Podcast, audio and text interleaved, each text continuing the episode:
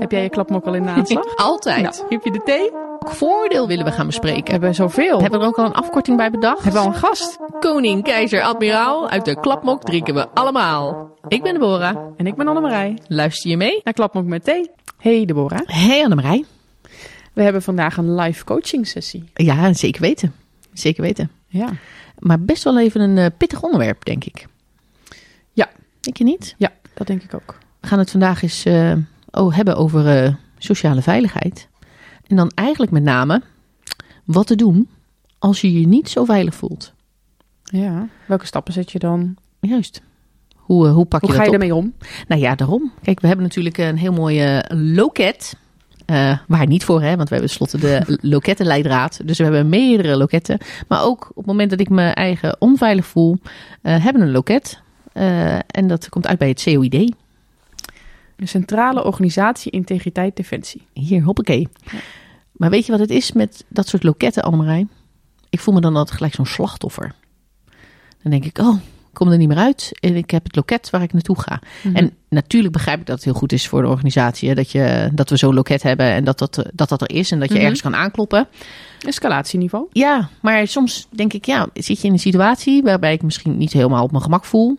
Of, Ja, waarbij eh, die stap dan nog te groot is. Ja, dat je niet ja. eh, gelijk zegt eh, van, oh, ik heb, eh, hop, weet je, want dan is het gelijk, eh, ja, alsof je, ja, En je wil er nog, geen niet. formeel, nog niet formeel melding van doen, nee. maar je wil het wel aankaarten. Ja, het is dan vaak gewoon een, een, een situatie waarin je zit, waar je zegt van, nou, dit vind ik eigenlijk niet fijn, maar daar kun daar kun je prima, prima nog wel uitkomen. Ja. Weet je, het is echt zo'n last resort om, Mhm. eh, om daarheen te bellen, zeg maar.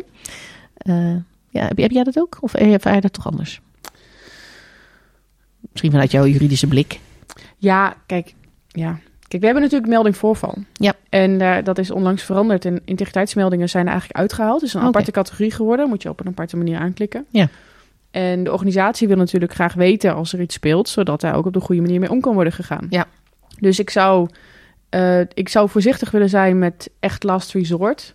Eh, want als alles binnen kamers blijft, Ja. dan heb je ook de kans dat dingen een beetje weggepraat worden, zeg maar. Of dat, het, dat er eigenlijk net, net niks mee gebeurt. Ja, dat is ook weer zo. En we hebben niet voor niks eh, nou, die loketten en de mensen, eh, de, de gespecialiseerde mensen. dat ook. Dus je wil het ook wel boven water krijgen. En als je het echt ziet als van ja, als ik er echt niet meer uitkom, of het is echt heel erg en niemand kan daar meer omheen, dan gaan we het wel een keer melden. Of dan stap ik naar het COID. Ik denk dat je dan wat stapjes gaat missen. dan zijn we het eigenlijk te laat, Ja, zeg je. dan ben je denk ik te laat. Ja, en maar ik snap wel het gevoel bij jou dat jij zegt van, nou, vanuit jouw referentiekader, als ik toch ergens, nou, ergens tegenaan loop, wat ik gewoon waar ik me even niet lekker bij voel.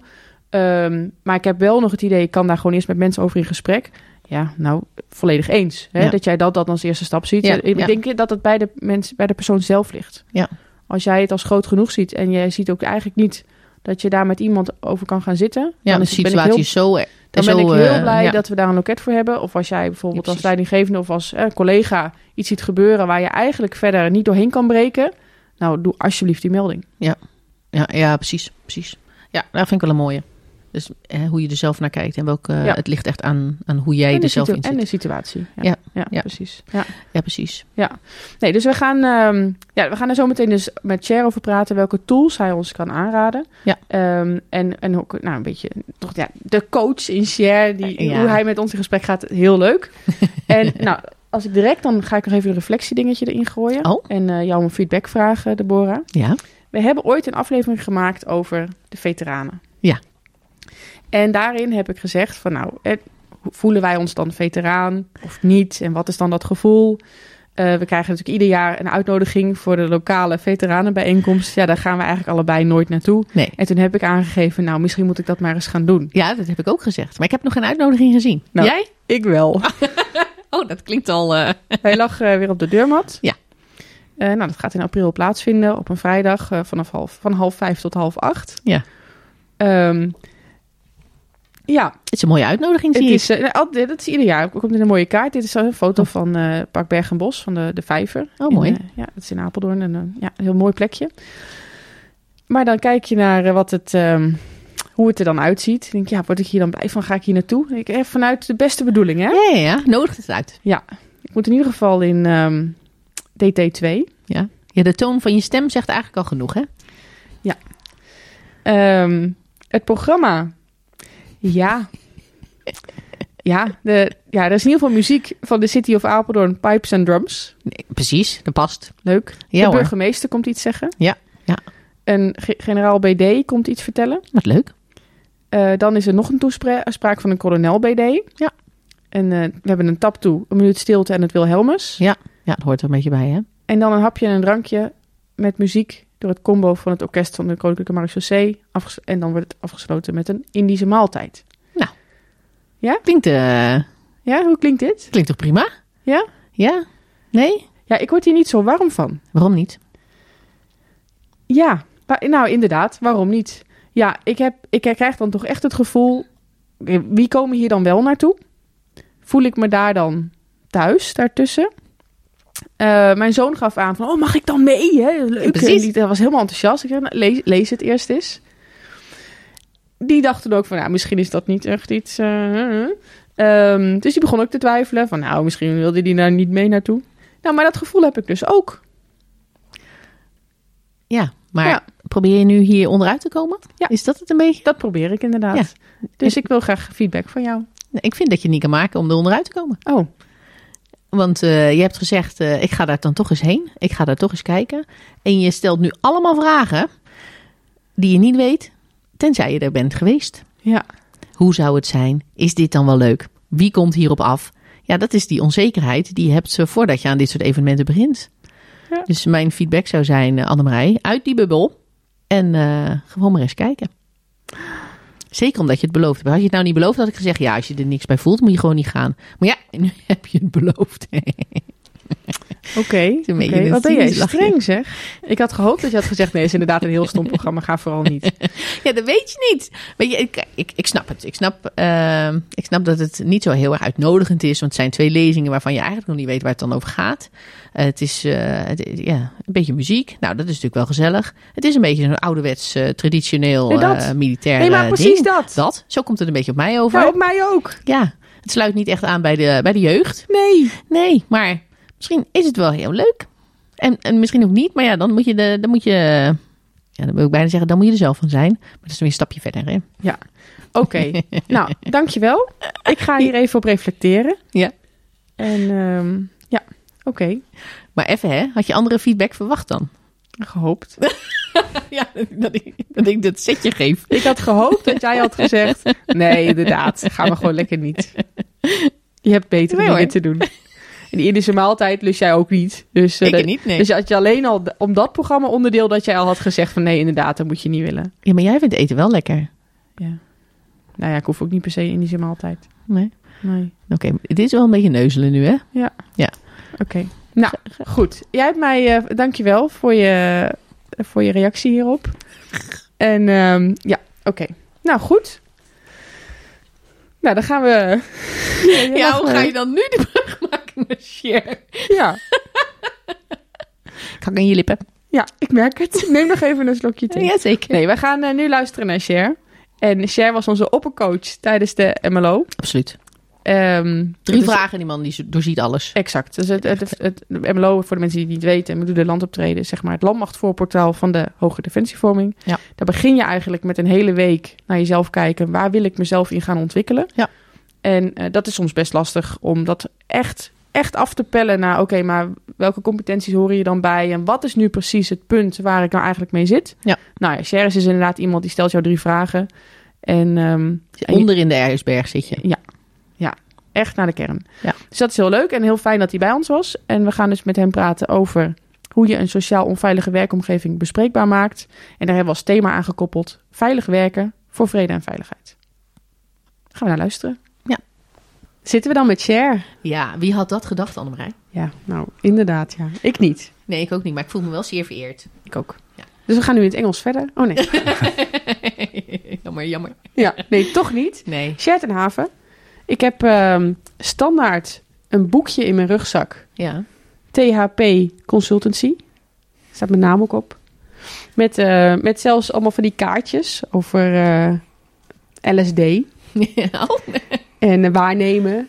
En eh, allemaal, allemaal nuttige dingen. ja. En dit gebruik ik ook gewoon echt regelmatig, dit boekje. Het is Ja. een feedbackboekje en eh, over eh, Zelfreflectie. coaching en eh, dat soort dingen. Ja, Cher, wat doet dat dan met je als je dit hoort? Ja, ik moet een beetje glimlachen. Jawel, hè? Uh, dankjewel voor, uh, laten we zeggen, compliment dat je nog zo doorgaat met de dingen hè, die we ooit in een opleidingscontext met elkaar uh, ja, hebben doorgemaakt. En ja, ik voel me wel vereerd dat jullie me gevraagd hebben. Dus ik vind het heel erg mooi om het nu ja, met jullie in gesprek te gaan over een belangrijk onderwerp. Ja, waar gaan we het over hebben, Deborah? Nou ja, dat hebben we natuurlijk al uitgelegd. Maar we gaan het hebben over sociale veiligheid. En met name... Heftig, heftig onderwerp. Ja, nou ja, dat, dat is het ook. Maar dat schromen wij niet. Want we vinden dat we dat gewoon bespreekbaar moeten maken. En met wie kunnen we dat beter doen met, dan met onze share? Ja. Want die begeleidt ons daar gewoon in. Precies. coacht ons daarop. ja, de, de oppercoach. Ja. ja. Maar nou, nou, begint het eigenlijk al bij het begin. Hè? We gaan het hebben over sociale veiligheid. Uh, maar wat is sociale veiligheid? En is, is sociale veiligheid wel voor iedereen hetzelfde? Ja, dat is een hele goede vraag. Nou, uh, Annemarij, we komen er vast ook nog wel op, want je hebt er onderzoek ook naar gedaan. Mhm. Dus dat gesprek, zou je kunnen zeggen, kunnen we daar ook mooi over voeren. Er zijn veel definities. Ja. En het is lastig om uh, het gesprek over definities te voeren, maar ik heb wel voor mezelf heb ik, uh, eens opgeschreven, wat is het nou eigenlijk voor mij, als we het Mhm. hebben over sociale veiligheid. En uh, voor mij is het de mate waarin ik me beschermd weet of me beschermd voel tegen persoonlijk leed door andere mensen. En dat kan zijn in bejegening, gedrag, maar het kan ook overlast van de omgeving zijn. Mhm. Waar ik echt last van heb. Dus dat is voor mij, als we het hebben over sociale veiligheid of sociale onveiligheid, een definitie waar ik me heel comfortabel bij voel. Ja. Past veel in, um, maar het sluit ook dingen uit. Ja. Ik vind ook wel een begrip uh, waarvan ik denk, nou ja, dat is het voor mij. Maar wat is het voor jullie? Als je, het, als je dit zo hoort, uh, herken je daarin? Is dat een definitie waar je in kan volgen? Of zeg je van nou, voor mij is het ook nog wel iets anders? Nou ja, ik, ja, ik, heb hier, ik wil al beginnen. Ja, zeker. um, nee, ik heb twee ideeën bij. Ik heb uh, nou, tijdens de HDV dan onderzoek gedaan hè, naar sociale veiligheid en in combinatie met leiderschap en hoe wij uh, de sociale veiligheid kunnen bevorderen, bevorderen aan de hand van incidenten. Uh, dus toen heb ik ook gekeken naar wat is het nu eigenlijk? En heb ik eigenlijk twee theorieën, psychological safety en just culture, samengevoegd.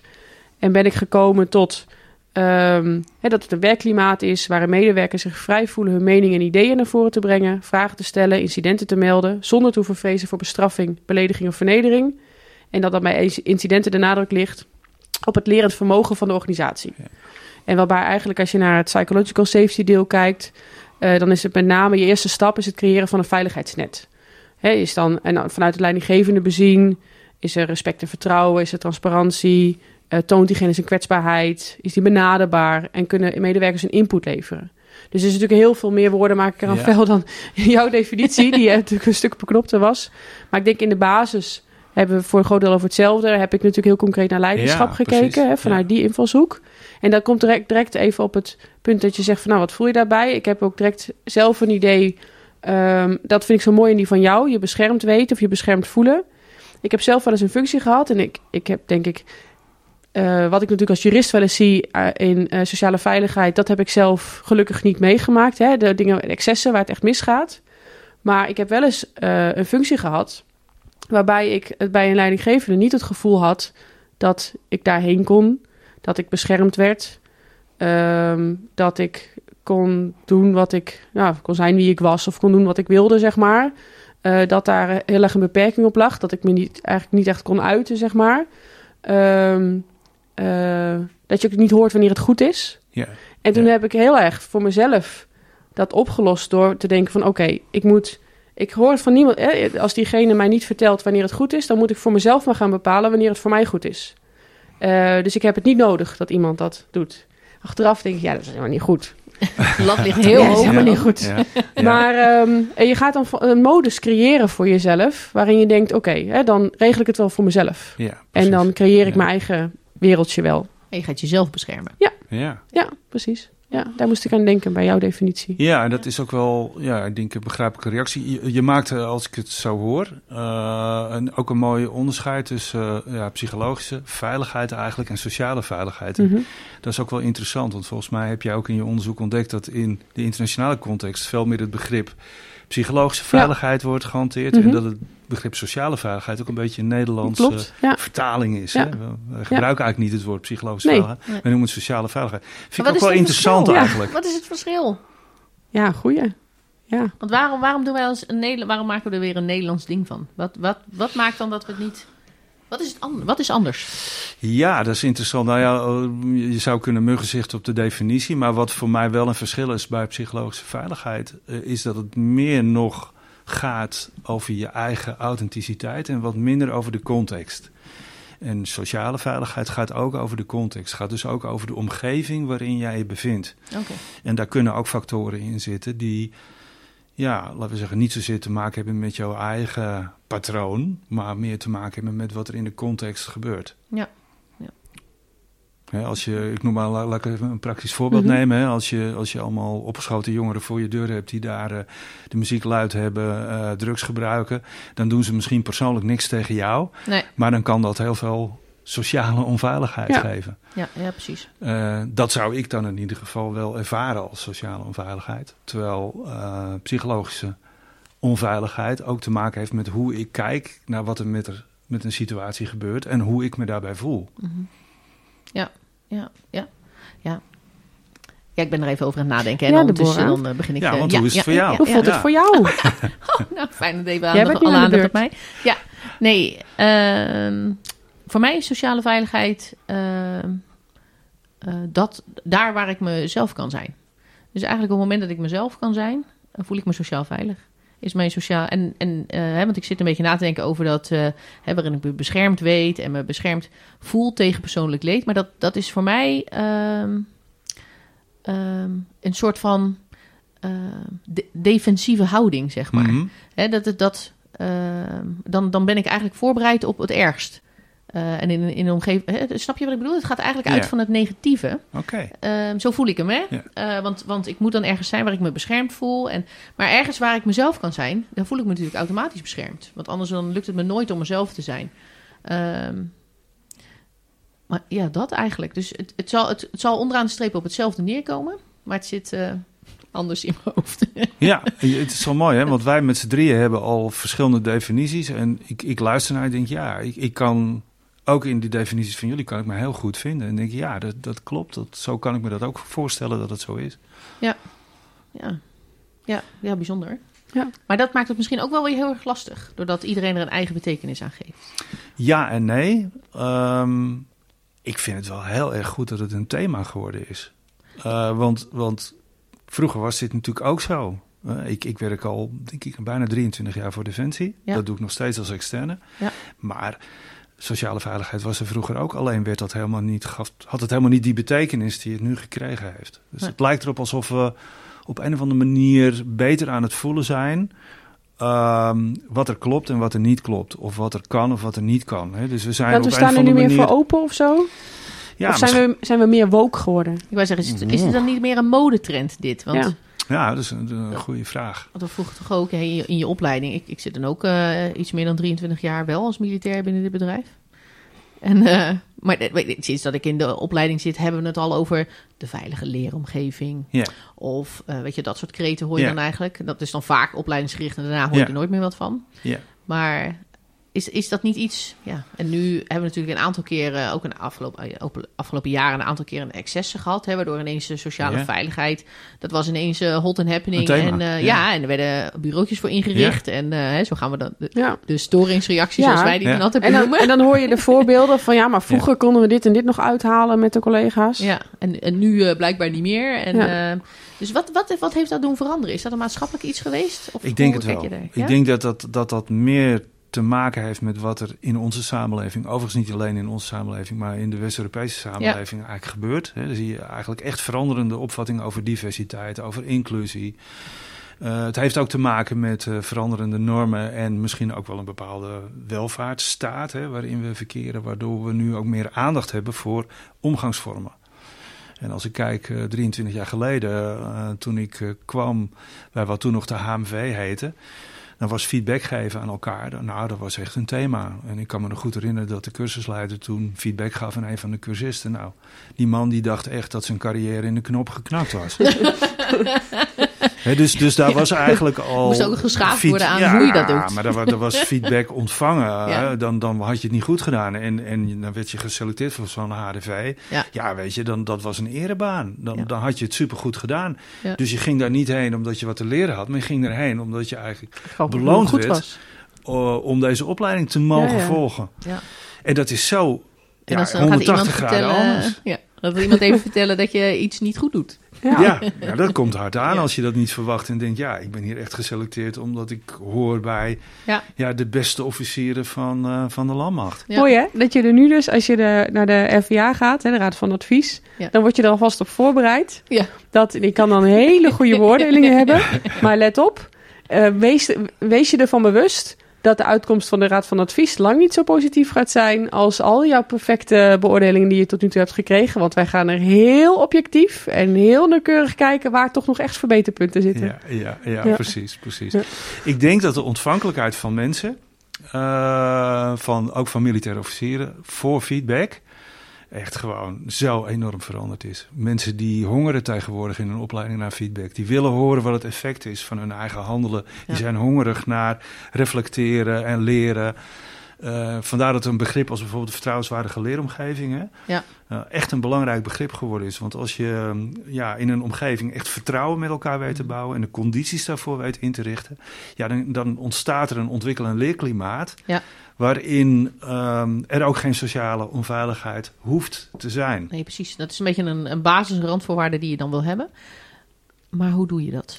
Wat zijn nou... Wat, wat, wat- hè, we- stel, wij komen straks in een positie dat we ergens docent worden. Misschien gaan wij wel eh, doseren op, een, op de HDV of wat dan ook. Dat zou zomaar kunnen. Ja, Of Ja. als mentor of wat dan ook. En dan ga je dus zelf, moet je zelf die randvoorwaarden creëren. Hè. Hoewel dat altijd wel lastig vind. Hè. Dat het ligt niet altijd bij de commandant. Want het wordt vaak bij de commandant neergelegd. Hè. Die moet zorgen voor die sociale veilige omgeving. Of eh, de mentor moet zorgen voor die... Maar die doet het met elkaar. Dat is mijn eh, mening eigenlijk. ja. ja, dat denk ik ook. Maar dus dat, dat deel ik wel. Ja, maar je zou het wel moeten begeleiden natuurlijk. Ja, en, en, en ik vind wel dat er een verschil zit tussen een opleidingscontext, hè, waarin je als Ja. het ware echt bezig zijn, eh, bent om jezelf te ontwikkelen en te leren. Daar geldt, wat mij betreft, sociale veiligheid nog wel, eh, wel preciezer dan in een gewone werkcontext waar je gewoon een functie hebt en gewoon je werk doet. Eh, ik vind in een, eigenlijk? Ja, ik denk dat in een, in een on- ontwikkelcontext, in een Mhm. leercontext, dit een nog gevoeliger onderwerp is. Omdat het zo sterk je leren beïnvloedt. Als jij je niet veilig voelt in een, in een onderwijsomgeving of in een leeromgeving, ja, dan beïnvloedt dat jouw leervermogen, maar ook je leerprestatie uiteindelijk bijzonder. Maar, maar je stopt toch niet met leren en jezelf ontwikkelen na de leeromgeving? Ja, je Nee. bent natuurlijk wel veel afhankelijker als je in die leercontext zit, denk ik. Ja, dat denk ik wel. En dan heb je Ja. te maken met docenten, mentoren. Je hebt te Die je maken met, beoordelen. eh, met collega's waarmee je Ja. samen opleert. Hè. Wat je ziet is dat, ondanks het feit dat er meer accent is voor je eigen ontwikkeling, Mhm. leer je altijd in groepen en met elkaar. Dus hoe zo'n groep zich tot elkaar verhoudt, beïnvloedt ook jouw eh, leereffect Ja. jouw leerprestatie. Maar kun je dan zeggen dat je in een, eh, in een leeromgeving... dat dan de druk op de sociale veiligheid hoger ligt... dan wanneer je in een gewone werkomgeving ligt? Nou, ik denk dat Omdat we allemaal zo bovenop elkaar zitten. Ja, dat. Eh, Sowieso in een militaire context zie je ook wel het internaatsmodel. Hè, of het in ieder geval het fulltime leren. Hè. Dat is natuurlijk in de burgermaatschappij toch echt wel anders. Hè, waar je alleen eigenlijk op een HBO en universitair onderwijs fulltime leert. En dan is fulltime ook nog relatief. Ja. Terwijl eh, in een militaire context zie je dat ook de loopbaanopleidingen heel vaak gewoon fulltime zijn. En ja, dat, dat doet iets met een groepsproces. Ja. Dus Mhm. dat doet iets met de groepsdynamica. En die groepsdynamica is van invloed op, ja, laten we zeggen, de vertrouwenswaardige leeromgeving. Ja. Dus je moet als docent en mentor daar extra oog voor hebben. Maar het begint toch altijd bij jezelf. Ja. Ik heb een modelletje meegenomen. Ik denk, nou, dat zou wel eens relevant kunnen zijn. Want als jij zelf in een context bent, of dat nou een leeromgeving is, of gewoon een werkomgeving, of misschien zelfs wel een privéomgeving. Als je je niet veilig voelt, Ja. dan heb je een aantal mogelijkheden. Ja, ja, want dat vind ik dus wel mooi. Hè? Als je dus sociaal onveilig voelt hè, in in je werkomgeving, in je leeromgeving, dat is dan even om het even eh, waar we het dan nu over hebben. Alleen eh, de eerste storingsreactie is natuurlijk: oh, maar dan eh, voel jij je niet veilig? Of eh, dan, dan bel je toch naar het COID? dan eh, ga je daar maar heen. Maar dat is toch eigenlijk niet wat ik, dat is niet wat ik wil. Ik voel me dan gelijk zo'n slachtoffer. Ja, ja, ik kan me dat heel goed voorstellen. Dat, eh, en dat is ook goed van Defensie, hè, dat ze dus een, ja, ook een, een soort van structuur hebben ingericht. Ja. Hè, waarin eh, klachten gemeld kunnen worden. Maar dat is volgens mij niet de eerste stap die je te zetten hebt als je last hebt van een veiligheidsvraagstuk, een persoonlijk veiligheidsvraagstuk of een sociaal veiligheidsvraagstuk. Ja. Ik denk dat je dan eh, een andere stap zou moeten zetten. En het is misschien wel leuk om te kijken hoe die past eigenlijk in de theorie zoals jij hem hebt eh, onderzocht, Mhm. eh, Annemarij. Ehm, en de eerste stap is eigenlijk dat je hem goed gaat herkennen. Mhm. Ik heb de Hebo-acceptatieladder eigenlijk als een modelletje. Ja, En de hem. eerste stap, die is de H. Hè. We hebben hem ook, gebruiken hem ook wel voor feedback en voor ontwikkelvraagstukken. Maar is eigenlijk, als het gaat over sociale veiligheid, is hij ook goed, goed bruikbaar. Ja. De eerste, eerste stap is, kan ik in mezelf herkennen wat ik voel in de context waarin ik me niet prettig voel? Mhm. En kan ik daarin de factoren en de actoren, hè, dus de personen en de omstandigheden benoemen, waardoor ik me voel zoals ik me voel? Eh, daar begint het eigenlijk mee. Je ziet vooral bij subtiel pestgedrag, wat ook helaas nog steeds plaatsvindt, eh, dat je dat niet altijd in instantie gelijk doorhebt. Mhm. Ja, maar, maar- en dat is, dat is natuurlijk, maar dat is sowieso vind ik altijd wel een hele lastige. Want wanneer, wanneer is het pesten? Wanneer is iets pesten? Het, dat is natuurlijk ook vaak van ja, nu kunnen we geen grapjes meer maken of nu kunnen we dingen niet meer zeggen, want het is ineens eh, is het allemaal heel gevoelig. Ehm, dus wanneer kan je nog een grapje maken en wanneer niet? En, ehm, en, en, en zie je dat nog wel? Ben je je daarvan bewust voor? Hè? Die, dat is een beetje, een beetje die cultuur. Hè? Ehm, we, gaan, we gaan erin mee. En in hoeverre eh, weet je zelf ben je jezelf bewust dat je meedoet aan de cultuur zoals die is? Of dat ja, abnormaal gedrag, wat nu ineens genormaliseerd is. eh, eh, weet je, ja, ik, misschien ga ik nu in één keer te ver, want ik heb natuurlijk van alles in mijn hoofd zitten. Maar, maar dat is, weet je, in, in hoeverre ben je, ben je zelf nog in staat om te herkennen dat, je, dat wat je doet pest is? Terwijl je misschien die hele intentie er niet bij hebt. Maar het meer een soort van, ja, dat doen we toch altijd. Ja, nou ja. Daar Volgens begint mij het toch mee? heb je wel een heel goed voorbeeld van ehm, wat er eh, onbewust mis kan gaan. Hè? Want, want plezier hebben met elkaar is heel belangrijk Ja. en, en heel goed. En, en daar horen ook grapjes bij. Ja, precies. Maar ja, eh, het grapje is soms het gat waar de waarheid doorheen fluit. Ja. En als je een fout grapje maakt wat niet goed valt, waar je niet altijd bewust van bent, maar wat bij de ander echt lelijk kan aankomen, Ja. Ja, dan, dan, ja, dan werk je zelf mee aan, aan onveilig gedrag. Ja. Ja. Ja.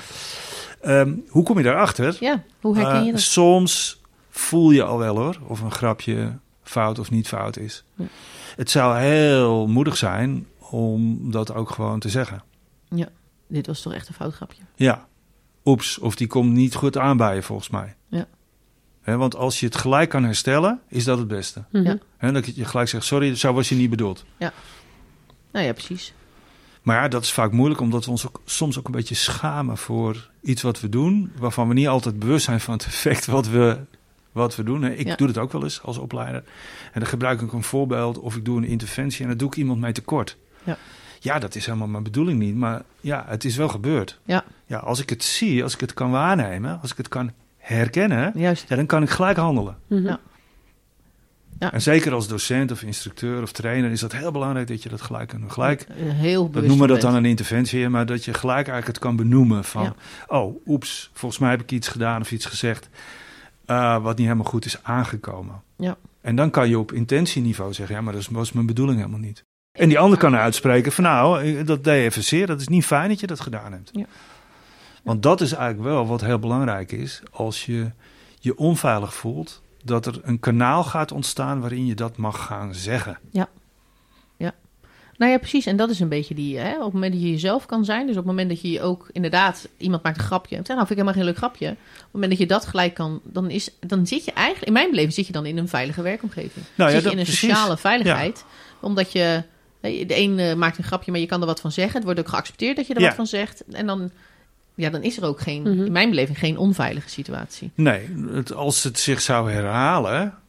Dan, Ja, dan wordt het eh, vanzelf, Dan, dan, eh, dan moet je eh, zeggen van, goh, ik heb het vorige keer al gezegd eh, dat ik niet fijn vond. Ja, en nu doe je het weer. Ja. Eh, hè, dus dan, dan wordt het al ietsje lastiger. Ja. Maar dat kan best nog wel een reminder zijn voor iemand. Te zeggen, oh ja, sorry, Ja. moet ik niet doen. Ja. Eh, hè, dus wat heel veel van dat soort patronen gebeuren soms onbewust en spontaan. En zijn ook helemaal niet bedoeld om onveiligheid eh, te Nee. creëren. Helemaal niet. Maar ja, als je geen feedback krijgt, ja, dan weet je niet wat het effect is van jouw Mhm. eigen gedrag. Dus het is Ja. heel belangrijk dat iemand gaat voelen: oh, ik doe de ander iets aan wat Ja. die ander niet fijn vindt. Maar goed, nu, ben ik, nu, nu hebben we natuurlijk omgedraaid naar... ik ben degene die, eh, die, die het pestgedrag laat zien. Maar nu, als ik aan de andere kant ga zitten en ik ontvang het pestgedrag... ehm, wat doet dan die herkenning met mij? Is dat iets wat ik voel? Is dat iets dat ik denk, ik voel me hier niet fijn bij? Of, Ja, ja ik denk dat, dat het wel heel erg begint bij voelen. Ja. Ben je in staat om te voelen wat het met je doet? Ja. Want het ene grapje eh, kan heel veel impact hebben bij jou, Ja. terwijl het bij je collega die in dezelfde situatie zit helemaal niets doet. Nee. En die is daar niet gevoelig op. Nee. Ja, is dan het grapje de maatstaf of wat jij zelf voelt de maatstaf? Ja. Nou, in mijn optiek is ja, wat jij zelf voelt, dat is de maatstaf. Ja, dat is zo. Dat is. Maar ja, maar, en dat maakt het natuurlijk ook lastig. Eh, zeker als hetzelfde grapje en Annemarij die... Wij zeggen altijd gekscherend, hè, als we, als we negatieve feedback krijgen op, eh, op iets wat we doen... dan is Annemarij daar gevoelig voor en ik wat minder. Ja, En dan denk ik, nou, dan wuif ik het een beetje weg. Ik reflecteer Ja. het en ik denk, eh pff, relativeren, voorwaarts. Iedereen mag een mening hebben. Ja. Ehm, Bij terwijl- mij plakt dat wat langer. ja, ja, precies, precies. Ja. Weet je, maar dan, dan kan ik daar misschien, doe ik daar misschien wel heel erg tekort aan. Ja, wat vinden jullie van die verschillen? Want dat is, wel, dat is wel mooi dat je het benoemt, want die verschillen zijn er namelijk. Ja. En wij vullen elkaar gewoon heel goed aan. Wij weten ja, dat. ja, ja, ja, En ik probeer het dan Ja. eh, bij Annemarij een beetje weg te relativeren. ja. Dat is dan, eh, dan ga ik het En ik probeer het dan haar. wat erger te maken. Ja. Ja. Ja. Maar het komt niet aan, het komt niet aan. Ja. nou ja, Nee, maar eh, het ik mag er zijn. Ja, exact. Maar ik, ik ken ook wel situaties waarin ik zelf onderdeel was van een groep. waarin een fout grapje gemaakt wordt. Ik ook zag dat het grapje fout viel. Ja. En ik dan toch merk dat ik de situatie zit te neutraliseren. Ja. Het eigenlijk niet bespreekbaar maak, maar iets doe om het ongemak een beetje weg te Mhm. halen. Ik weet niet of Ja. jullie dat herkennen. Mhm, Ja, ja. ja. En dan denk ik achteraf wat- waarom doe ik dat nou? Want ik, ik voel wat er gebeurt. Ik Ja. denk eigenlijk, ja, dit grapje had niet gemaakt moeten worden. Maar ja, het is wel gemaakt. Je Ja. ziet wat de impact is en eigenlijk ben ik het aan het neutraliseren. Ja. Terwijl, grapje eroverheen te maken, Bijvoorbeeld afleiding, of afleiding te clownesk creëren. gedrag te Ja. vertonen. dat is eigenlijk Ja. Is niet goed. niet goed. Want hoe zouden we daarmee om moeten gaan dan? Als ik stel, jullie zijn nu een grapje aan het maken en ik denk, ja, dit, dit, dat zeg jij, Cher, maar ik weet dat Annemarij dit echt niet trekt. Maar Annemarij laat het niet merken, die is nog aan het inca- incasseren. Ja, ja, exact. Ja. ja, het zou wel fijn zijn als je dat weet te benoemen. Als je dat weet te zeggen van, goh, even checken of het, of het wel goed geland is. Of, of, of, of het wel goed voelt. Maar vind wat ik daar moeilijk aan vind, is stel dat het mij overkomt. Hè? Dat jij nu mij een, een grapje maakt en, ik, en Annemarij weet dat. En op het moment dat Annemarij het benoemt, dan, dan voel ik me mega kwetsbaar. Ja, Want ik word ineens in het. eh, ineens dan ben ik de slachtoffer. En dat ben ik misschien ook wel, maar dat, dat strookt misschien niet met mijn persoonlijkheid. Maar ik, vind dat, ik zou het heel naar vinden als, als iemand dat doet in een groep. ja. En Annemarij weet dat dat voor mij heel gevoelig is. Ja, en dan Ja. nog even de aandacht erop En dan de aandacht ja exact. Oeh, ja, ja. Cher, dat moet je bij mij niet doen. Nee, exact. Want dan kan er nog meer Dan ongemak, wordt het heel naar voor mij. of... ja, of ook precies. waterlanders. Ja. Ja. Ja. daar komen ze. Ja, Maar hier is de, ja, je, ja. kijk, dit vind ik zo'n mooi voorbeeld. Ja. Dat je aan de ene kant, en ik denk dat het ook heel erg context en, en wat voor soort grapjes en, en, afhankelijk is. En in sommige gevallen kan je dan beter zeggen of we even een break of je wacht Ja. even tot de pauze is en je gaat dan even met mensen separaat eh, of je spreekt iemand ergens op aan. Ja. Eh, en je checkt bij degene die zich misschien heel erg eh, benadeeld voelt, hè, is dat, hè, wat er aan de hand is, of er iets aan de hand is. Maar in sommige gevallen ben ik er wel heel erg van overtuigd dat je het juist in die setting bespreekbaar moet maken. Want als je het weglacht of er niks mee doet, Ja. dan is dat ook een signaal naar iedereen. Het was dus gewoon oké om dit grapje te maken. En dan Ja. gebeurt het de volgende keer weer. Ja, dat Ja. risico is zeer groot. Ja. Ja, Ja. precies. Ja, zo- daar wordt dan de balans norm in. gesteld. Hè? Ja. Ik, ik had eh, wel eens de zogeheten drietrapsraket daarvoor. Eh, als in een groep hè, waar je lang mee optrekt bijvoorbeeld. En of dat nou een, een eenheid is die, die aan het leren is... of dat het gewoon een, een eenheid is die gewoon in de operatie... of in de bestuurlijke context zit. Als er iets gebeurt wat... ehm, ja, niet fijn is, hè, dan, dan kan het opvallend zijn. Het is belangrijk dat ik het in ieder geval registreer, dat het Ja. opvallend is. En, en soms is er niet altijd aanleiding om gelijk op zo'n eerste keer te Mhm. reageren. Dan denk ik, oké, dit is de eerste keer dat ik dit waarneem, dat ik dit Mhm. opmerk. En ik merk dat ik het niet fijn vind. Ja. Dan kan ik soms wachten tot het nog een keer gebeurt. Dan wordt het opmerkelijk. Want Ja. dan is het niet één keer gebeurd, maar dan gebeurt het twee keer. Dan heb ik iets meer motief om te zeggen van... goh, toen en toen en nu weer. Dat vind ik niet fijn. Dus het verzamelen van de momenten waarop een patroon zich herhaalt, is soms ook behulpzaam om het bespreekbaar te krijgen. Mhm. En is het dan ook een goede om te zeggen... Hè, niet van, ik, ik, Annemarij vindt dit vervelend, dit moet je niet doen, eh Cher. In plaats van dat je het meer op jezelf betrekt. Dat ik zeg van, nou, ik vind, ik vind die grapjes eigenlijk helemaal niet zo leuk. Dat vind, ik, vind het, maar ik vind het heel vervelend. We weten eigenlijk helemaal niet hoe het overkomt. Eh, ik heb het gevoel dat dat helemaal niet zo moet. Dan, dan bescherm ik ergens Annemarij in haar kwetsbare moment. Eh, Ja, dan betrek je en het alleen maar op jezelf. Ja, Om het zo op die manier bespreekbaar te maken? Of? nou, het is een, een eh, hele mooie suggestie. Dan moet je elkaar wel goed kennen. Ja. Want je, je moet elkaar ook de, het recht en de ruimte gunnen om assertief te zijn. Ja, En om er iets van te zeggen. Dus daarmee zou je ook het gras voor Annemarij de voeten weg kunnen maaien. Aan de andere kant is het super collegiaal. Ja. Als je weet, echt weet, dat dit een gevoelig punt is. En het vindt plaats, dat je hem bij jezelf houdt. Want Ja. dat is natuurlijk altijd krachtiger dan dat je hem naar de ander verwijst. Ja. Of dat je uit de bal bij de ander legt om te zeggen... nou, volgens mij komt dit grapje niet goed bij jou aan, Annemarij. Weet je wel? Nou, dan, hoofd, dan creëer je eigenlijk een hele ongemakkelijke situatie. maak Terwijl je zegt, erger. ik vind het niet fijn. Ja. Eh, ja, dan, dan is je op jezelf betrokken. En als het dus een beetje ja, aangezet is, omdat je het niet echt zo voelt, maar omdat je het vooral voelt Ja. van de ander, dan kan jij ook de assertieve boodschap geven. Ja. En Annemarij de gelegenheid geven om erop te reageren Ja. op het moment dat die van jou is. Ja. Dan kan zij het ondersteunen of ze kan haar eigen plek daarin vinden. Ja, precies. precies. Dat zou, dat zou een, een, een prima manier kunnen zijn om elkaar te helpen. Maar dan moet je het wel weten van elkaar. Ja. Maar goed, dan hebben we het herkend. Ja. Nou ja, de herkenning is heel belangrijk, ook als het dus met je gebeurt. Het kan subtiel, het kan heel openlijk en het kan repeterend zijn. Ja. Hè? Eén keer is opvallend, twee keer is opmerkelijk, Ja. drie keer is een patroon. Dus als het meer dan drie keer gebeurt, dan moet je er echt wat mee, omdat het namelijk niet uit zichzelf zal veranderen. Mhm. Hè, dus, dus als je iets drie keer hebt ervaren van oeh, dit is echt gewoon niet fijn, dan moet je echt voor jezelf eh, een volgende stap zetten. Dan Ja. gaat het inderdaad van herkennen naar erkennen. Ja.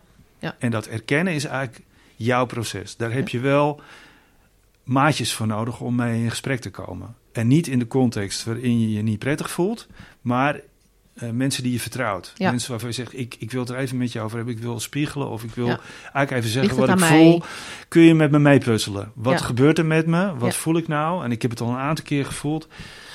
Voel ik dat nou goed? Eh, ehm, en, en, en is het echt belangrijk voor me dat ik er wat mee ga doen? Want sommige dingen gebeuren. Soms in een team wat ook weer opgelost wordt, waardoor je denkt, ja, weet je, het is eigenlijk het sop voor de koning waard. En soms is het heel belangrijk dat je er juist wel een punt van maakt. Ja. Alleen, hoe weet je dat nou? Ja. Wanneer je er geen punt van moet maken Mhm. en wanneer je er wel een punt van moet maken. Dat kan eigenlijk alleen maar als je bij jezelf te raden gaat en eigenlijk in je eigen moraliteit onderzoekt wat voor jou belangrijk is. Ja, ja, ja maar ik vind dat toch wel. eh, ik, ik, zou, ik vind dat toch wel lastig als je daar dan een voorbeeld aan zou moeten koppelen. Hè? Want ehm, het jezelf drie keer laten overkomen geeft bij mij al het gevoel dat ik denk: drie keer share. Moet ik het drie keer mezelf laten overkomen en drie keer in zo'n vervelende situatie zitten voordat ik er iets aan eh, wil gaan doen? Of eh, is dan bij mij de wil om er iets aan te doen sterker? Dus die erkenning is er dan al eh, eerder?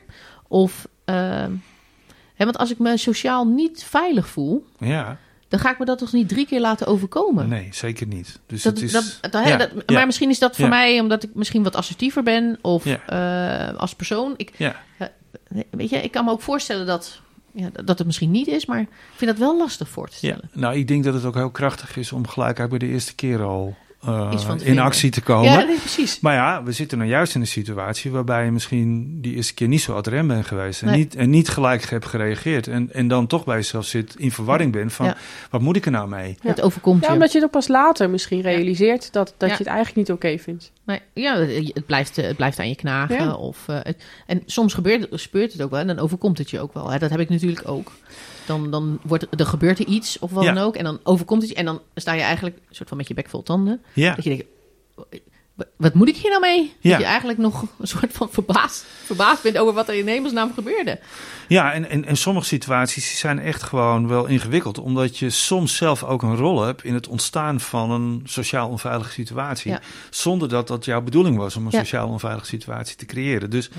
Het is heel belangrijk dat je eigenlijk altijd bij jezelf checkt. Hoe belangrijk vind ik dit? Ja. Eh, en als je dat voor jezelf helder hebt, eh, dan kan je eigenlijk ook de volgende stap zetten. Dus Ja. je moet het herkennen van hé, hey, hier is een situatie die is niet prettig. Ja. En dan de tweede vraag is eigenlijk aan je binnenkant. Hoe belangrijk vind ik het om daar iets mee te gaan doen? Ja. En dat is een gesprek wat je met maatjes moet voeren. En daar kan je eigenlijk ook een, eh, een strategie ontwikkelen of een aanpak ontwikkelen. Of eh, met jezelf of met de ander afspreken. Oké, als het nog een keer gebeurt, dan ga ik dat zeggen. Of Ja. dan ga ik dat doen. Ja. En dat kan in de context zijn, hè, dat je zegt van nou, ik neem me voor om. Maar het kan ook zijn dat je zegt, nou weet je, dat, dat is te moeilijk. Dat doe ik nog even niet. Dus ik doe het persoonlijk, één op één. Ja. Of ik schrijf die ander even eh, een briefje dat ik erover over wil praten. Of ik schrijf eerst even op hoe ik me gevoeld heb. En dan vraag ik, kunnen we daar een gesprek over Ja. hebben? Er zijn allemaal hulpmiddeltjes om dat wat voor jou belangrijk is, bespreekbaar te maken met de ander. is ook wel een moeilijk ding, hè? Als, hè want, want als ik met, met mijn leidinggevende niet goed door een deur kan en diegene zorgt voor die onveilige omgeving, ja, dan hoe maak ik dat dan bespreekbaar? Hè? Die zegt van, en waarom zou ik dat doen? En wat met welk doel? Hè? Als ik het gevoel heb dat, daar, dat, dat er niet naar geluisterd wordt, of eh, dat er vertrouwen er niet is, dan vind ik dat wel lastig. Want ik, ik snap wat je zegt, hè? Dat je zegt van, nou, dan moet je even... Wil je er echt wat mee, dan ga je erover nadenken. Je gaat het met je peers, ik bespreek met de Annemarij. Nou, dit en dit overkomt me nu. En Precies. je moet echt wat zeggen, maar dit kan echt Ja. niet. En dit gedrag is Ja. echt heel vervelend en dat komt steeds terug. En, eh, en dan moet ik het bespreekbaar gaan maken bij die, bij die ander, waar, waar ik eigenlijk het Ja. met een boog omheen loop. Nou, noem je er weer een factor bij. Hè? Oh. Die is, en die is, nou ja, wel, complexer. leidinggevende. Nou, dat is leidinggevende. Nou ja, want- maar vaak is dat natuurlijk ook Ja. wel een eh, onderdeel van. Ja, zeker. En, en, en eh, helaas zie je vaak dat in, in verhoudingen medewerkers leidinggevende de- dit soort patronen zitten. Ja, En dat vind ik wel een verschil met of het een collega is Ja. of dat het een bovengeschikte is. ja, ja. Ja, want, want hè, met, met een collega, dan kan ik me voorstellen, als ik met Annemarij en onmin ben, dan, eh, nou, dan eh, heb ik dat eerst met 36 andere mensen besproken. en dan ga ik daarna de stap zetten. Nee, dat is natuurlijk een beetje overdreven. eerst iedereen in de inlichten en dan Annemarij, ik heb een probleem met je. Nee, zo werkt het niet. Maar dat is, die, die drempel is inderdaad veel lager. Om dan aan te geven, nou, vond ik niet zo leuk wat je deed. Of eh, kunnen we daar eens over hebben? Want ben je wel bewust dat het dit met mij doet? Of, en dat, ik kan ook een mailtje sturen, een appje sturen. Ik kan het op alle manieren doen wat voor mij op dat moment, eh, wat, wat ik zou willen. Eh, Ik kan het in een podcast zeggen. je kan het in En de je kan podcast in een podcast zeggen. En Ja, dat voor kan bloemen ook in nog. podcast. Ja, ja. ja, nee, nee, maar goed. weet je, En ik, maar ik moet wel zeggen, eh, hè, op, de, op de HDV leer je feedback geven. Ja. Eh, maar je zit ook al anderhalf jaar bij elkaar op de lip. Je, je begint natuurlijk ook een bepaalde relatie met mensen op te Ja. bouwen. En Ja. ik moet zeggen, dan is het wel makkelijker. Ja. Omdat je weet dat je in die bepaalde rol zit. En dat je ook weet Ja. van elkaar dat je elkaar ook feedback geeft. Dus dat maakt voor mij makkelijker Ja. dan wanneer je nu in een werksituatie zit waar mensen toch iets verder ja, van je die afstaan. vertrouwensband nog niet hebt. vertrouwensband is anders. ja, exact. Ehm, Nou ja, die, en die vertrouwensband, die, eh, eh, die kan je ook benutten. Ik, ik kan gewoon zien hoe mensen dat nu doen. En, en wat bijvoorbeeld heel eh, erg helpt in een, in een ja, niet horizontale relatie, hè, en in een gezagsverhouding, Ja. is het eigenlijk heel belangrijk dat je, als je het niet vertrouwt, of als je niet veilig genoeg voelt, dat je altijd een collega meeneemt. Ja. Dat je dat niet alleen doet, maar dat je eerst samen met een collega de situatie kan duiden en kan zeggen: Ik voel me niet prettig. En daarom heb ik mijn collega meegenomen. En ja, ik wil eerst eigenlijk even toetsen bij je: van ja, kan ik dit bespreken met jou? Sta je daar open voor? Ja. Om ja, eigenlijk te kijken naar wat er tussen ons gebeurt. Ja. Want ik durf dat niet alleen met jou. Nee. Dat is best wel pittig, hè? Ja, ik zit en dan ik te denk... bedenken als iemand met mij in zo'n gesprek aan wil gaan Ja. en iemand meeneemt en om dit bespreekbaar te maken. Nou, dat is Ja. heftig. dan zijn Ja. de rollen omgedraaid. En toch denk ik, en toch denk ik, hè, als je dat zacht doet, dat Ja. moet je niet hard doen, maar als Nee. je dat zacht doet, dan kan je eigenlijk aan de reactie van die leidinggevende zien, direct voelen. Ja. Oké, want, want als hij dat zo hoort van je, denk ik, en hij reageert echt beduust, Ja. zo van, wow, Ja. ik wist niet dat dat die, dan zit je goed. Ja. Want Ja, dan kan je het dat- bespreken en dan hoeft die collega misschien de volgende keer helemaal niet meer mee, maar dan kan je het er samen over hebben. Ja. En dan kan je het uitpraten. Ja. En dan heeft ook die leidinggevende gelijk gevoeld, oeps, ja, Dit dat was helemaal ver. mijn bedoeling niet. Maar goh, wat vervelend dat het zo voor je voelt. Want het gebeurt gewoon tussen mensen. Ja, ja. Ja. en dit is natuurlijk ook weer een voorbeeld van dan je ego even opzij zetten, ook als leidinggevende, uit het virtuous leadership van, eh, van Bert Stam uit Oh de ja. eerdere ja, aflevering. ja, ja, ja.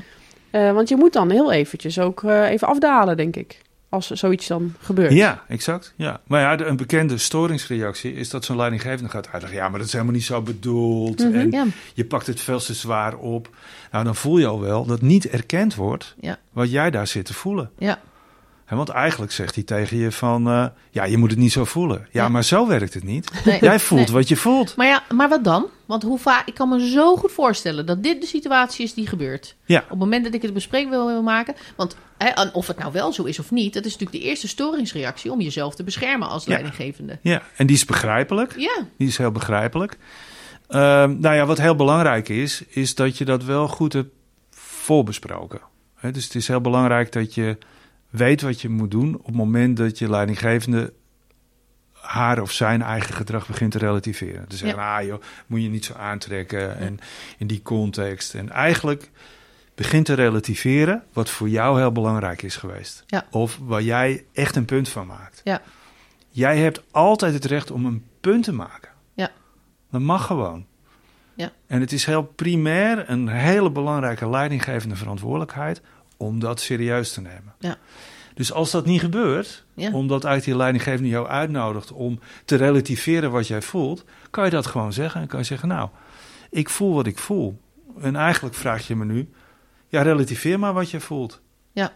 Neem het maar niet zo serieus nee, wat jij voelt. ik zeg toch dat het niet zo. eh, het was toch niet persoonlijk bedoeld? Of het was toch niet zo bedoeld? Of, eh, En ook hier hebben we dan vaak te maken met dat leidinggevenden soms helemaal niet de intentie hebben om onveilige situaties te creëren of om jou te raken of te kwetsen.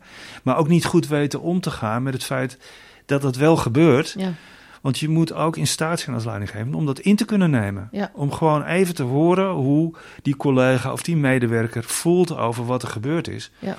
En als leidinggevende is het een hele belangrijke persoonlijke kwaliteit. Een persoonlijke kwaliteit. Om dat te kunnen. Ja.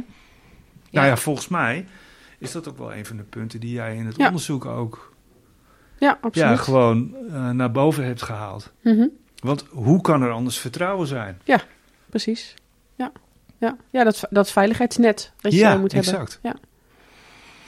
Ja. En daarin is je collega ook een, steunpunt. Hè? Dus, dus, Ja. dus, eh, of iemand anders hè, die je meeneemt. En, en probeer nou niet gelijk, eh, laten we zeggen, een advocaat mee te nemen. maar, maar gewoon een collega, iemand die dichtbij staat. En die ook gewoon voor de leidinggevende eh, een geaccepteerde persoon is. Ja. ja, precies, precies. Ja. Nou, dan zit ik met jou altijd goed. Annemarij. Dubbele rol. Juist. Oké, oké. Maar goed, we hadden herkennen, erkennen. Ja, precies. Ja, dan gaan we naar wat meer complexere situaties. Hè. De, de- we hebben het over grapjes gehad en we hebben het misschien over onheuse bejegening gehad. Mhm. Maar wat je natuurlijk bij sociale onveiligheid ook tegenkomt, zijn patronen. Hè, waarin het niet meer gaat om een enkelvoudige situatie, maar over patronen die er zijn in de interactie, waardoor een echt sociaal onveilige situatie ontstaat. En dat Mhm. kan in een team zitten. Ja. En dat kan tussen een leidinggevende en, en jou zitten. Maar dat kan ook in een privé-situatie zitten, tussen vrienden. Hè. Dus er zijn heel veel contexten denkbaar waarbij het helemaal niet gaat over één situatie, maar over een patroon van gebeurtenissen. En daar hebben we eigenlijk de B voor. Want dan is het heel belangrijk om je de B van bewust te worden hè, en te begrijpen wat er eigenlijk gebeurt in die interactie. Ja. Dus als je je eigen gevoel kan herkennen en je zegt van jezelf: Ik erken dat het heel belangrijk voor me is, dan kan je ook gaan onderzoeken: wat doe ik eigenlijk precies en wat doet die ander nou eigenlijk precies, waardoor dit ontstaat, waardoor ik me zo ga voelen. Ja. Dus eigenlijk zonder dat je de situatie verandert, probeer te begrijpen en je bewust te worden van het patroon wat ten grondslag ligt aan de sociale onveiligheid. Is dat iets wat je alleen kan doen, Cher? Het is zo fijn als je daar, laten we zeggen, zo'n netwerk Mhm. hebt van mensen die je vertrouwt, die met je mee kunnen observeren, die mee kunnen kijken van hé, hey, zie je het nu gebeuren? Hoe kijk jij daarnaar? Wat zie jij dan precies gebeuren? Ja.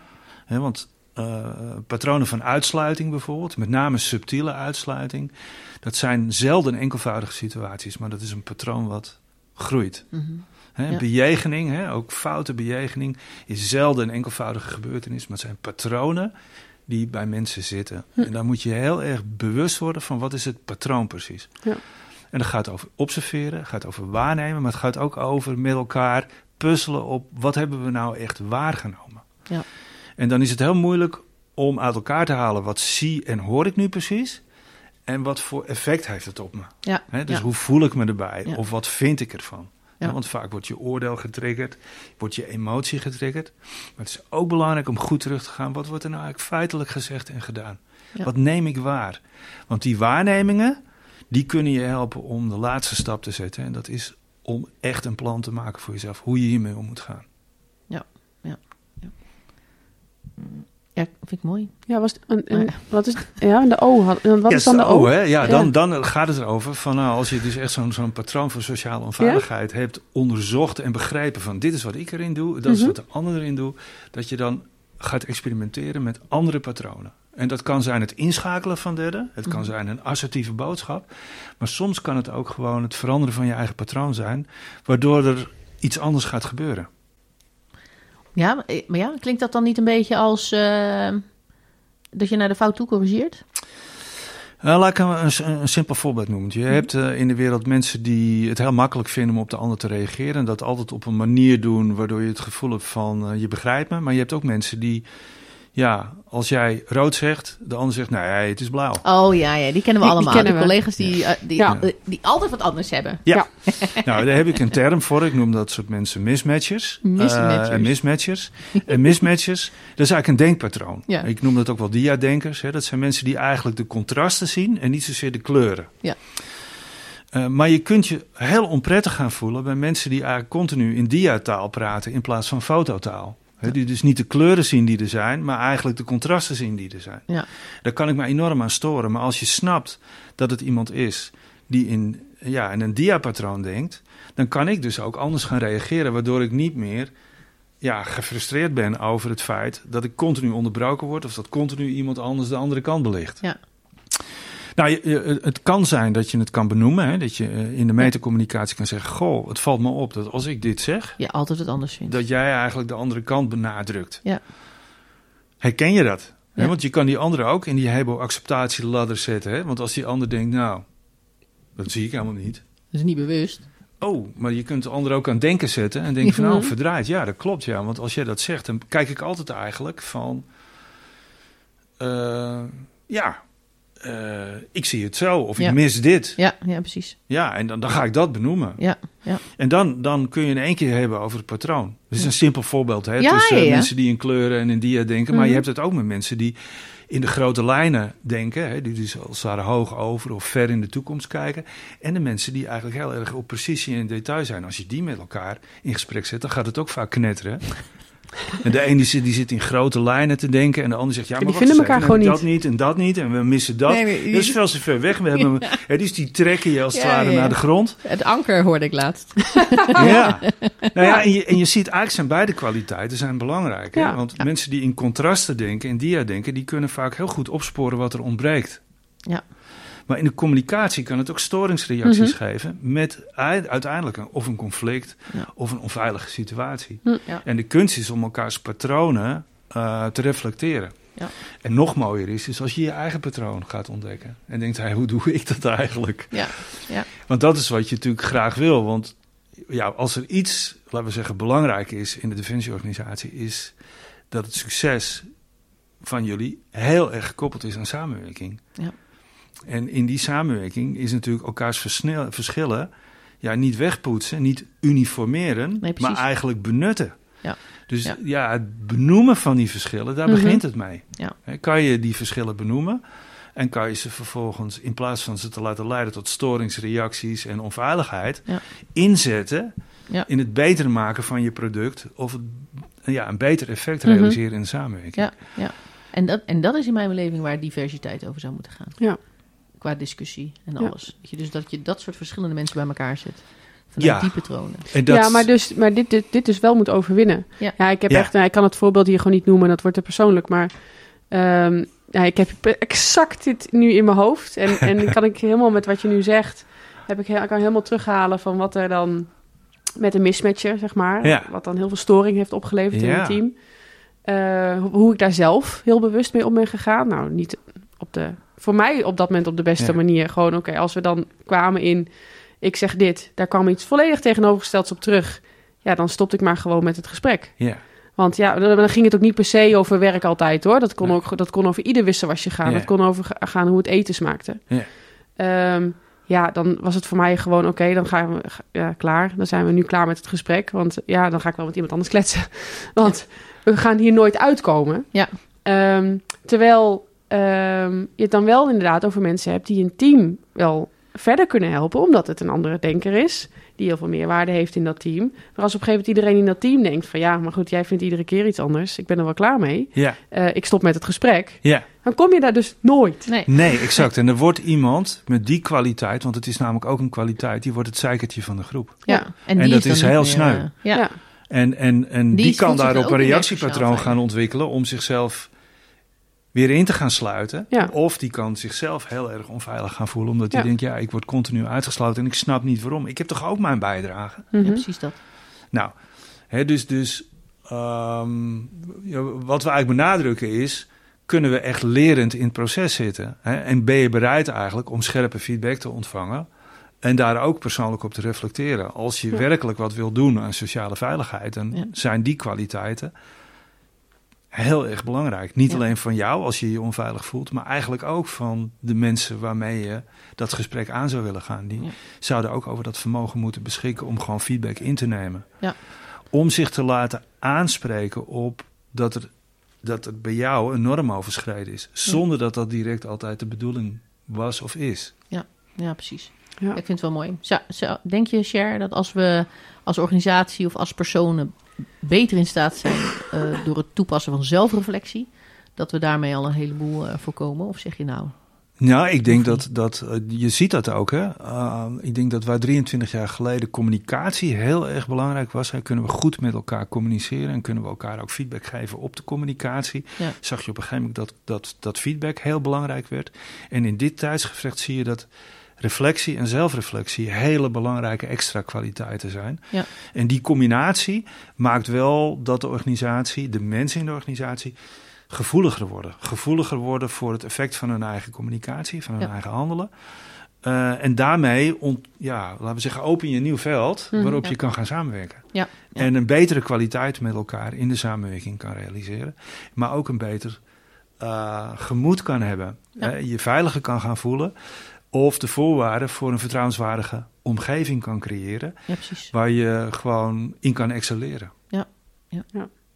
Ja, ik, ik denk wel daarbij, zeker als je in een eh, groep eh, met een hiërarchische relatie zit, dat je daar ehm, ook wel in moet samenwerken. Weet je wel, dat je, je, je redt het niet als jij als enige dan hè, dit al heel, heel netjes allemaal gaat doen en de stapjes Ja. gaat aflopen. Maar het is ook iets wat je in gezamenlijkheid moet doen. Precies. Ehm, anders kom je daar ook niet. Ja, dat betekent dat je dus ook naar degene die het je aandoet, hè, als je deze podcast luistert en je denkt van, nou, ik voel me niet veilig, dat je de ander nog kan blijven waarnemen als mens en niet Ja. als dader. Ja. Maar dat je kan zien dat die ander soms ook verstrikt zit in zijn eigen patroon. Ja. En dat hij de kans moet hebben om van, ja, dat klinkt een beetje eh, wollig als ik het zeg, maar eigenlijk van jouw pijn te leren. Dus jij moet wel bij jezelf echt erkennen dat het belangrijk is en begrijpen wat jouw deel is. Ja. Maar in de terugkoppeling de ander altijd de kans geven om daar ook van te kunnen leren. Nou, Cher, heel erg bedankt dat je bij ons was in deze aflevering. Wat, dit was echt een live coaching sessie. Heerlijk. dat het goed is, er goed. Ja, nee, ja, ontzettend bedankt. Eh, het heeft ons weer heel veel inzichten opgeleverd. En ja, fijn dat je bij Mooi. ons was. Ja, graag gedaan. Dankjewel. Nou, dat was Cher. Ja, zeker. Ja, heeft hij goed gedaan. Ik voel me weer helemaal zo opgefrist. Ja. Gek, hè? Ja, ja dat, dat werkt toch weer zo, hè? Ja, Ja. ja. ja. En, eh, maar Deborah, ja. ben jij niet stiekem ook een beetje een mismatcher? De dia-denker. Ja. ik vond het wel eh, heel leuk. Ja, daar kan ik niet over oordelen, Annemarij. Vind je mij, eh, ben ik jouw dia-denker? nee, eigenlijk ook niet. Nee. Nee, nee, nee. nee, nee, nee, nee. We zijn wel allebei anders. Ja. Eh, maar nee, nee, het is niet zo dat, eh, dat wij per definitie allebei een andere kant... Wij zijn juist meer in de aanvulmodus Ja. meestal. Ja, dat denk ik Ja. ook. Ja. We, zijn, ja, we vullen elkaar meer aan dan dat we Dan dat het werken. tegenover elkaar eh, zit. Ja, Ja. ja. dat het altijd wat anders vindt. Ja. Nee, dat denk ik niet. Maar ik vond het wel... Ik heb daar nooit zo over nagedacht. Nee, dat je niet. dus mensen... Maar ik ken, ik ken zo heel veel mensen opnoemen...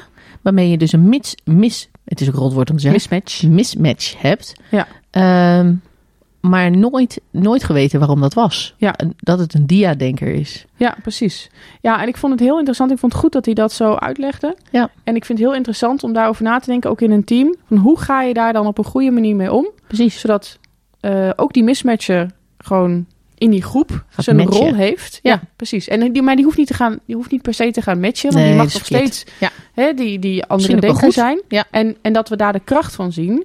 En dat niet iemand daardoor bijvoorbeeld uit de groep komt te liggen of zo. Dat je hem buiten gaat sluiten omdat, eh, oh, is toch altijd anders. Ja, oh, omdat, je, omdat je er niet uitkomt met elkaar. Want dat is waar je op een gegeven moment tegenaan loopt. Van hoe kom ik hier uit? Ja, ja. En, en als dat maar niet gebeurt, dan, eh, ja, dan loop je dus vast. En dan kan het ook sociaal onveilig worden voor iemand. Ja. Dus hoe kan je dan je team op die manier inrichten... dat ook die mismatcher daarin een plek heeft? Ja, en misschien moet die mismatcher juist een plek hebben in het team. Ja. Omdat je dan eh, die, die diversiteit hebt die Ja. je wil binnen je team. Eh, want daar moet je wat mee. Want ja. ja, hij staat natuurlijk toch ook wel, hij of zij, hè, Mhm. staat natuurlijk ook representatief voor meerdere mensen die, die dat denkbeeld hebben. Ja. En die je uiteindelijk in de organisatie wel mee wil hebben. Precies. Interessant. Mensen hun kracht zetten. Juist. Het is een beetje een bewustwordingsproces dit, hè? Ja, denk ik wel, ja. Ja. ja. dus dat vond ik wel heel interessant eigenlijk. Ja. ja. En nou, ik wilde nog even de Hebo-acceptatieladder. Ja. Nog eventjes eh, heel kort zo onder elkaar. Oké, wat, wat eh, de tools die het eigenlijk aangaf. Ja. Ehm, eh, Hebo, hè, de H staat voor herkennen. De E voor erkennen. Ja. De B voor bewustwording. Ja. En de O voor oplossingen. Ja, we zijn natuurlijk heel snel doorheen gegaan, hè? Vooral, vooral de laatste. de laatste twee. ja. Maar ook dat hebben we natuurlijk even gereflecteerd. Ja, is dat dan een eh, vervelend iets of niet? Hè? Moeten, we dan, eh, moeten we het laatste stuk niet opnieuw opnemen en dat net zoveel tijd geven? Maar ik denk dat het allerbelangrijkste is, eh, dat zijn ook die twee eerste letters. Ja. Het herkennen en het erkennen. Op het moment dat je dat doorlopen hebt, dan begrijp je je situatie waarin je zit. Of dan Ja. begrijp je de situatie die je ziet of wat dan ook. Je gaat je misschien Ehm, je gevoel bespreekbaar maken. Ja, precies. En, Ja. Dan, en dan volgt de rest eigenlijk vanzelf. Ja. Dus dat is misschien ook wel een eh, kortere fase. Ja. Maar goed, dat, dat precies. bedenk ik, hè? Dat weet ik niet zeker. Ja, en ik kreeg ook de indruk, toen hij het ook had over patronen, hè, als iets meerdere keren gebeurt. En daar wilde ik nog wel heel even op aanhaken. Jij gaf aan van ja, ik laat toch niet iets drie keer gebeuren. Ik laat het toch niet een patroon worden, want dan heb ik al lang er iets mee gedaan. Ja, ja. Maar het is natuurlijk niet altijd zo dat jij vanaf de eerste keer dat iets gebeurt, Het herkent. ook de bewustwording hebt Ja. dat het niet oké is. Dat jij pas later, omdat je er ergens nog eens over nadenkt, of het gebeurt nog een keer en je herkent het, je denkt, hé, hey, hey, dat vind ik eigenlijk toch niet zo oké. Ja. Eh, en dat hoeft niet eens om jezelf, het kan ook om een ander gaan. Ja, precies. Eh, en dat het dan best kan zijn dat het eerst eens drie keer moet gebeuren... voordat je ook daadwerkelijk daar actie op gaat ondernemen. Ja. Dus ik zie, dat wel, ik zie dat wel gebeuren, zeg maar. Hè, dat je Ja. dat nodig hebt. Of dat het dan pas tot actie Ja. leidt. Ehm, en ik heb ook het idee, zoals hij het uitlegt in die Hebo-ladder... dat als iets daadwerkelijk een patroon is... en je komt er niet meer met eens even met iemand het gesprek erover voeren. Eventueel, het voorbeeld vond ik heel mooi, dat je dat dan met iemand gaat doen. Dat was een voorbeeld met een leidinggevende. En je Ja. gaat ook met een collega eh, daarheen, waardoor die leidinggevende ook even schrikt van hé, er is iets aan de hand. Wat dan al maakt dat je die ingang vindt, Vindt, met ja. elkaar. Ehm, dan ben je eigenlijk al heel snel, zit je automatisch al richting oplossingen. Ja. En dan ben je niet meer die stapjes van die ladder heel hè, één voor één aan het aflopen. Maar Nee. dan, dan kom je daar Meer eigenlijk organisch. snel. Ja, precies, dan is het meer organisch inderdaad. Dus daarom dacht ik van ja, weet je, hoe we nu het gesprek, hoe het ging. Ja, er zit heel veel nadruk op die eerste paar stappen. Is gewoon omdat dat eigenlijk een heel, hele grote drempel misschien is. Waar je eerst langs moet. Ja, en hoe je het moet doen. En eh, ja. ja, precies. Hoe je, hoe Ja. je daar een, plekje moet geven. Ja. ja nee, dat, dat ben ik wel, daar ben ik wel met je eens. Eh, want je weet inderdaad niet hoe vaak bijvoorbeeld iets al gebeurd is voordat je het begint te herkennen. Ja.